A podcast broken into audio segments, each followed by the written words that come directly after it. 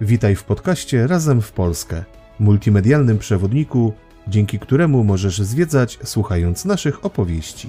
Atrakcje turystyczne, nieoczywiste miejsca, ciekawostki, legendy i zaskakujące historie. Sprawdźcie, co warto zobaczyć i jakie atrakcje odwiedzić.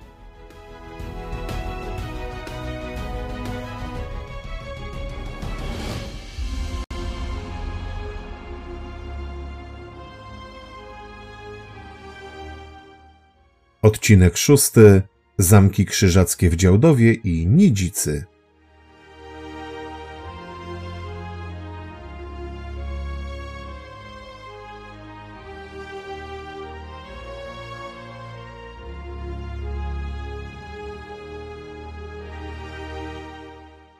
Gdzie schował się bohater po przypadkowej obronie warowni przed Tatarami? Z jakich pomieszczeń składał się gotycki zamek zakonny? Jak lokalne piwo przyczyniło się do uratowania XIV-wiecznej budowli, w którym zamku na Mazurach zorganizowano konferencję pokojową i jaka kara czekała niewiasty za złorzeczenie. Odwiedzamy dziś wybudowane z czerwonej cegły budowle, które wpisały się już na stałe w krajobraz pogranicza Mazowsza i Mazur. Do dziś imponują rozmiarem i rozmachem oraz nowoczesnymi, jak na owe czasy, rozwiązaniami technicznymi.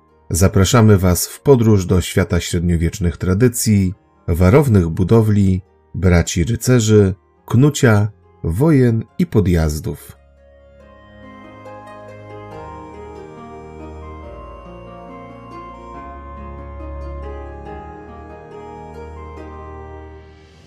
Położone w południowo-zachodniej części województwa warmińsko-mazurskiego zamki w Działdowie i Nidzicy należą do mniej znanych i rzadziej odwiedzanych przez turystów warowni krzyżackich. I rzeczywiście na tle potężnego Malborka czy bardziej znanych zamków w Kwidzynie i Gniewie nie prezentują się zbyt okazale.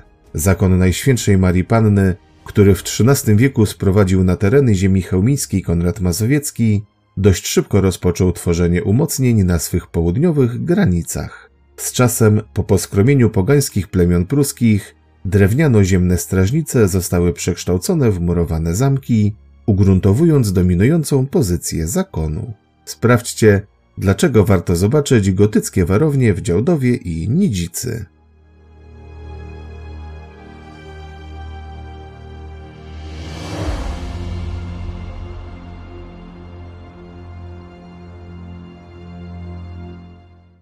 Zamek Krzyżacki w Działdowie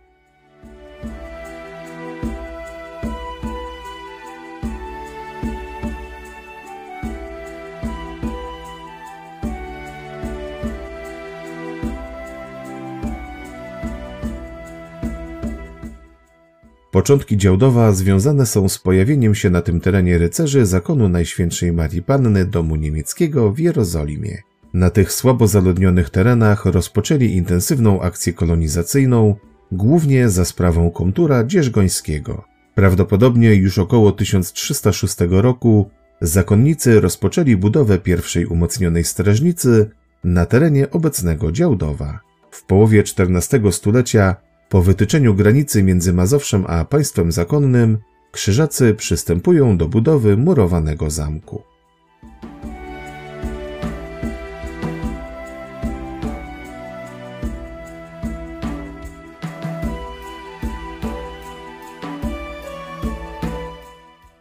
Jeszcze w trakcie budowy zamek atakowały i plądrowały wojska litewskie. Zmieniono także koncepcję jego budowy, wzmacniając funkcje obronne. Ostatecznie pod koniec wieku powstały trzy skrzydła mieszczące reprezentacyjny dom duży z kuchnią i kancelarią oraz skrzydło gospodarcze z dwiema izbami i dużą salą na piętrze. W południowo-zachodniej części znajdowały się pomieszczenia mieszkalne dla załogi. Całość założenia zamknięto murem z gankami obronnymi. Wjazdu na dziedziniec strzegła brama z 14-metrową wieżą, która mogła również służyć jako mieszkanie i więzienie. Zamek przez swoje położenie pełnił ważną rolę w stosunkach polsko-krzyżackich. W Działdowie, w sali refektarza, odbywały się sądy rozstrzygające spory pomiędzy Mazowszem a państwem zakonnym, a zamek stanowił miejsce spotkań i pertraktacji wielkich mistrzów zakonu z książętami mazowieckimi.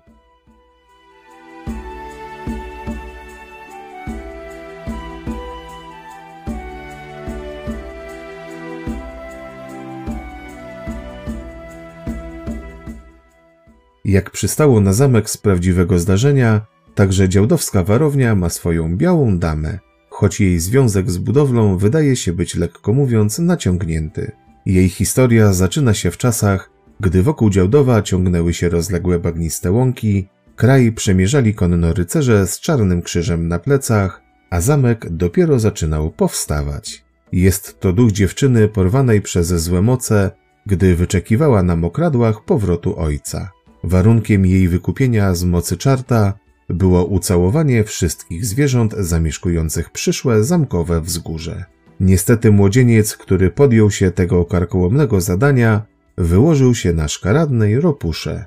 Lata później na wzgórzu powstała krzyżacka warownia, a duch dziewczyny zaczął pojawiać się na jej murach.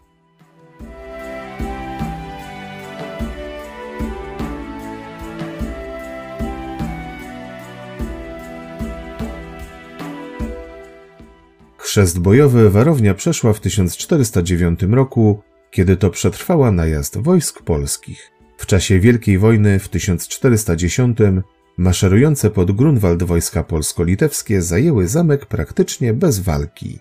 Po zwycięstwie grunwaldzkim król oddał Działdowo księciu Ziemowitowi. Jednak już we wrześniu został podstępnie odzyskany przez krzyżaków, którzy wzięli krwawy odwet na załodze i sprzyjających jej mieszkańcach.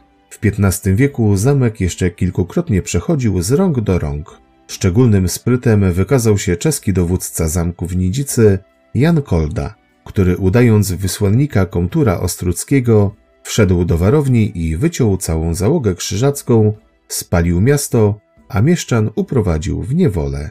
Ostatnie działania wojenne miały tu miejsce w latach dwudziestych XVI wieku.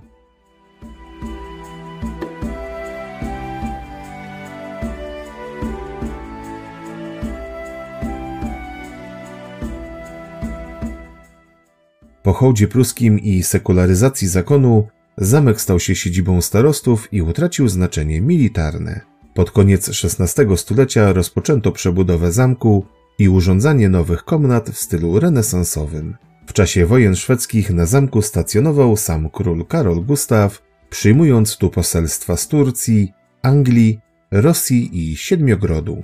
Pod koniec wieku zamek stracił na znaczeniu i powoli zaczął pełnić funkcje gospodarcze. W XVIII stuleciu kaplicę zamkową i część pomieszczeń mieszkalnych przekazano gminie kalwińskiej. Tragiczny okazał się początek XIX wieku, kiedy to wojska napoleońskie splądrowały i zdewastowały zamek, a dzieła zniszczenia dokończył pożar w 1868 roku.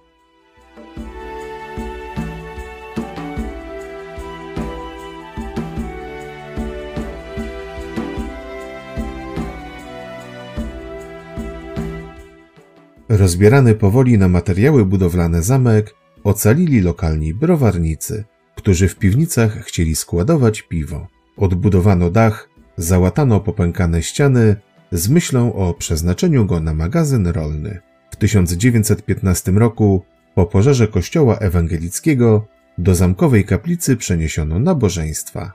Po zakończeniu I wojny światowej Działdowo znalazło się w granicach Polski. Władze rozpoczęły prace konserwatorskie z zamysłem utworzenia tu Muzeum Grunwaldzkiego. Zostały one jednak przerwane przed wybuchem II wojny światowej. W 1945 roku zamek został ponownie zniszczony podczas rosyjskiego ostrzału.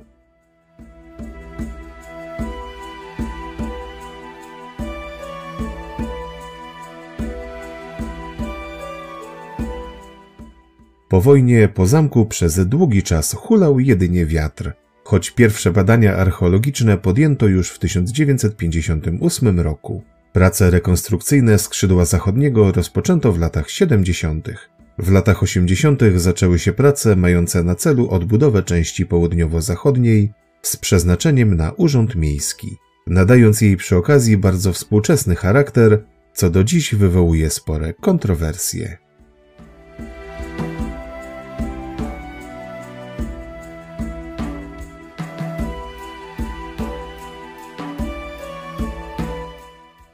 Z dawnej krzyżackiej warowni zachowało się skrzydło zachodnie, fragmenty muru obwodowego, północna baszta, fragment bramy i dolna partia wieży przybramnej. We wnętrzach mieszczących Muzeum Pogranicza możemy obejrzeć kilka zachowanych pomieszczeń piwnic i parteru z krzyżowym i krzyżowo-żebrowym sklepieniem wspartym na masywnym filarze.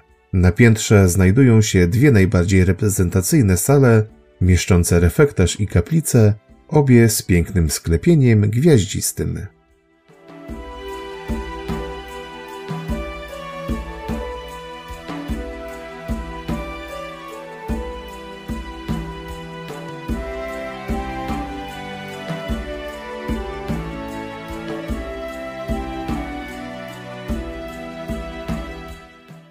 Pomimo, że muzeum na Działdowskim Zamku do największych nie należy, to udało się tu przygotować kilka ciekawie zaaranżowanych wystaw. Na parterze zobaczymy m.in. model przedstawiający przekrój gotyckiego skrzydła zamku i jego życie codzienne, makietę miasta z najważniejszymi budynkami oraz przyległymi osadami, stanowiska prezentujące dzieje działdowskiego starostwa i wójtostwa oraz kolekcje monet od krzyżackich po dwudziestowieczne. W zamkowych piwnicach możemy podziwiać uzbrojenie rycerskie z okresu panowania krzyżackiego, dioramy z bitwy pod Tannenbergiem, stoczonej przez Cesarstwo Niemieckie z Imperium Rosyjskim w 1914 roku oraz broń i umundurowanie żołnierzy z czasów napoleońskich i II wojny światowej.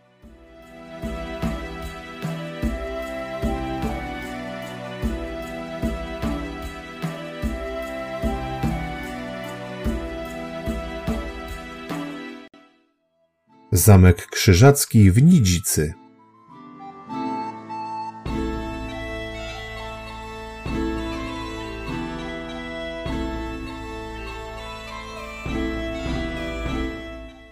Pierwszą drewnianą warownię w Nidzicy wznieśli krzyżacy już w połowie XIII wieku jako najdalej na południe wysuniętą strażnicę graniczną z księstwem mazowieckim. Miał tu swoją siedzibę komornik podległy wpierw komturii dzierżgońskiej, a od połowy XIV stulecia Ostruckiej. Wraz z fortalicją rozwijała się także położona na podmokłych terenach nad Nidą osada. Liczne konflikty nadgraniczne oraz agresywna polityka książąt litewskich w drugiej połowie XIV wieku wpłynęły na decyzję o przebudowie założenia w murowany i silnie ufortyfikowany zamek.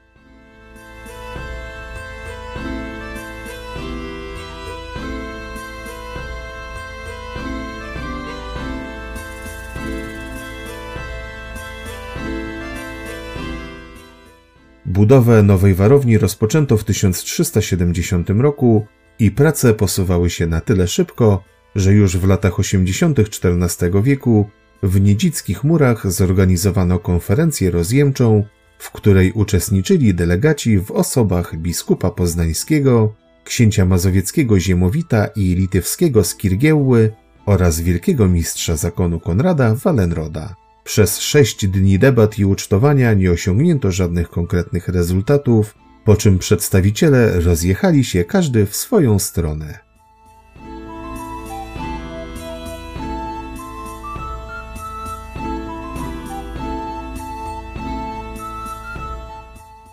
Wokół warowni szybko rozwijała się osada służebna, położona na zachód od zamku na podmokłych terenach. Budowa osady na bagnach możliwa była dzięki zastosowaniu nowatorskiej techniki. Aby domy nie zapadały się w czasie użytkowania, stawiano je na odwróconych glinianych naczyniach, tworząc w ten sposób pod posadzką swego rodzaju poduszkę powietrzną. Technika sprawdziła się na tyle, że 7 grudnia 1381 roku wielki mistrz Winrich von Kniprode nadał osadzie prawa miejskie i herb.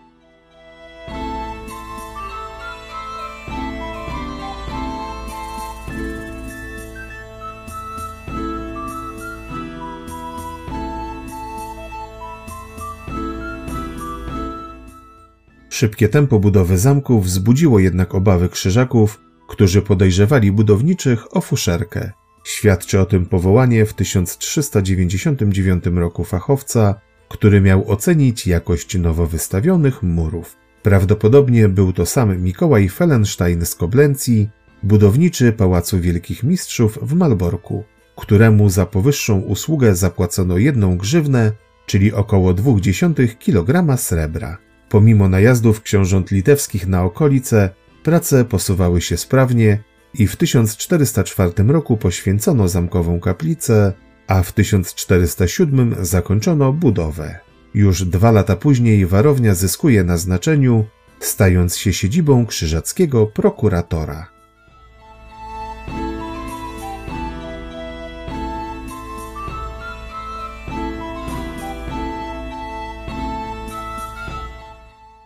Dwunastego lipca 1410 roku wojska polsko-litewskie zdobywają po raz pierwszy zamek Nidzicki. Nie było to zbyt trudne zadanie, ponieważ cała załoga wraz z prokuratorem wyruszyła na zgrupowanie wojsk zakonnych, a zamku broniła garstka braci w dość podeszłym wieku. Król Jagiełło oddał warownię księciu Januszowi Mazowieckiemu. Wkrótce jednak Nidzica powróciła do Krzyżaków na mocy pokoju toruńskiego. Jednak już podczas kolejnej wojny, zwanej Głodową, Krzyżacy stawili zacięty opór. Wojska Jagiełły pod jego osobistym dowództwem zdobyły zamek po ośmiodniowym oblężeniu. Jednak gdy oddziały polsko-litewskie wyruszyły ku Brodnicy, odbił go komtur z Ostrudy.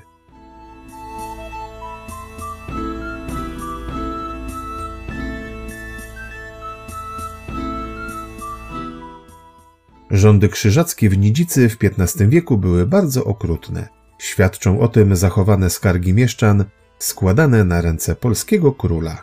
Rezydujący tu prokurator, nazywany przez poddanych diabłem z Nidzicy, nawet za lekkie skaleczenie brata zakonnego, kazał uciąć biednemu mieszczaninowi obie ręce, a kucharza znalezionego z niewielką sumą pieniędzy powiesił, ponieważ uznał, że ten je ukradł.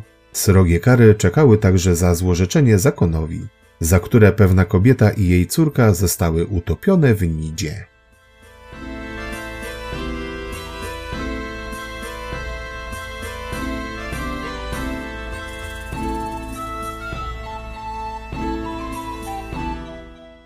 Na początku wojny trzynastoletniej zamek zajęty został przez antykrzyżacki Związek Pruski i oddany w polskie ręce. Obsadzono go zaciężną załogą czeską pod wodzą Jana Koldy, który nie dość, że utrzymał warownię do końca wojny, to jeszcze urządzał zwycięskie wyprawy na Działdowo. Niestety, kolejny pokój toruński znów przywrócił Nidzice zakonowi.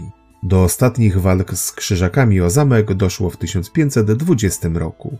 Jednak oblegającym zamek wojskom Zygmunta Starego brakowało dział i piechoty, dlatego ostatecznie oblężenie zwinięto, a wojsko wyładowało swoją złość na bogoducha winnych mieszczanach.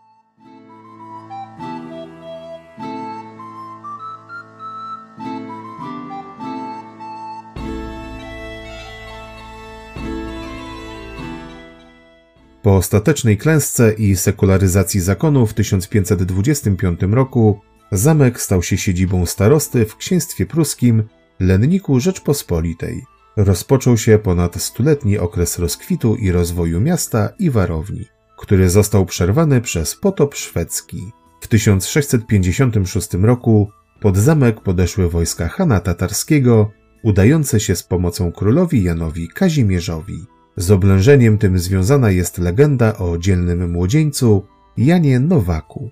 Gdy dostrzegł on, ucztującego przy olbrzymim głazie tatarskiego wodza ze swoimi towarzyszami, niewiele myśląc ustawił w ich kierunku armatę i wystrzelił, zabijając wszystkich biesiadników. Pozbawieni dowództwa Tatarzy odstąpili od zamkowych murów. A co stało się z dzielnym młodzieńcem?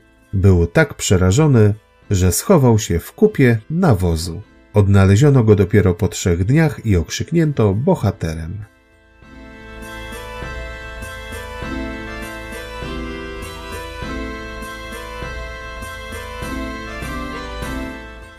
Po zawarciu pokoju ze Szwedami zamek wyremontowano, choć jego znaczenie militarne znacznie spadło. Brak należytej opieki i pożar w 1784 roku znacznie pogorszyły jego stan techniczny. Jednak największe straty wyrządziły maszerujące na Moskwę wojska Napoleona. Ich druga wizyta w 1813 roku zakończyła się pospieszną ucieczką i zajęciem zamku przez kozaków dońskich rosyjskiego cara. Pobyt tych ostatnich przyczynił się do upadku warowni.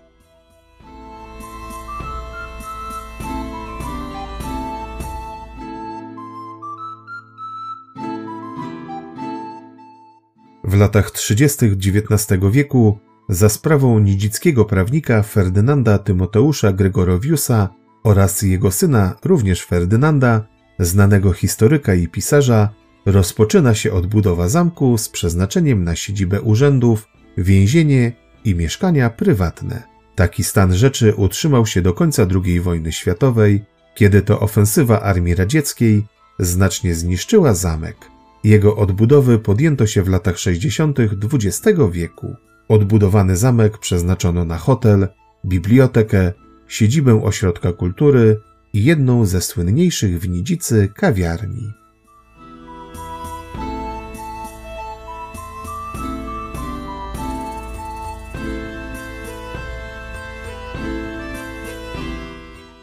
Dziś możemy tu obejrzeć zamek główny, szyję bramną z dwiema furtami oddzielającymi przestronny dziedziniec od przedzamcza oraz dwie wyniosłe wieże. Wnętrza, w dużej mierze odnowione po wojnie, zmieniły także swoje przeznaczenie. Z dawnych najbardziej reprezentacyjnych pomieszczeń pierwszego piętra warto zwrócić uwagę na kaplicę i refektarz, kryjące zachowane ślady gotyckich malowideł ściennych. Na zamku wygospodarowano także cztery niewielkie pomieszczenia przyziemia, mieszczące obecnie Muzeum Ziemi Nidzickiej. Znajdują się tu wystawy dotyczące dziejów miasta i jego rdzennych mieszkańców, Mazurów. Ostatnim punktem zwiedzania warowni jest sala widokowa, znajdująca się w dawnym krzyżackim spichlerzu na poddaszu zamku.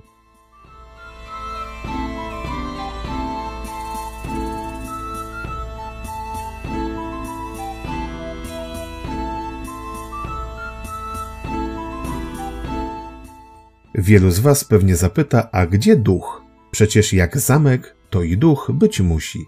I tu Was zaskoczymy, bo to chyba jedyny zamek w Polsce, który nie ma swojego ducha.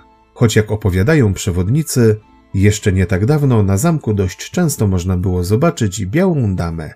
I to o dziwo nie w nocy, a podczas dnia. Spacerowała ponoć po warowni ubrana cała na biało pani dyrektor ośrodka kultury.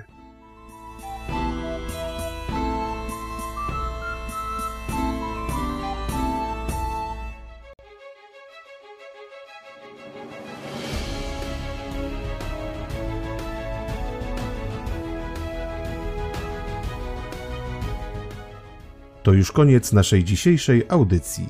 Przypominamy, że wszystkie atrakcje, o których tu dziś słyszeliście, możecie obejrzeć na naszym kanale Razem w Polskę na YouTube oraz przeczytać o nich w serwisie wypoczywamywpolsce.pl. Zapraszamy na kolejne podcasty.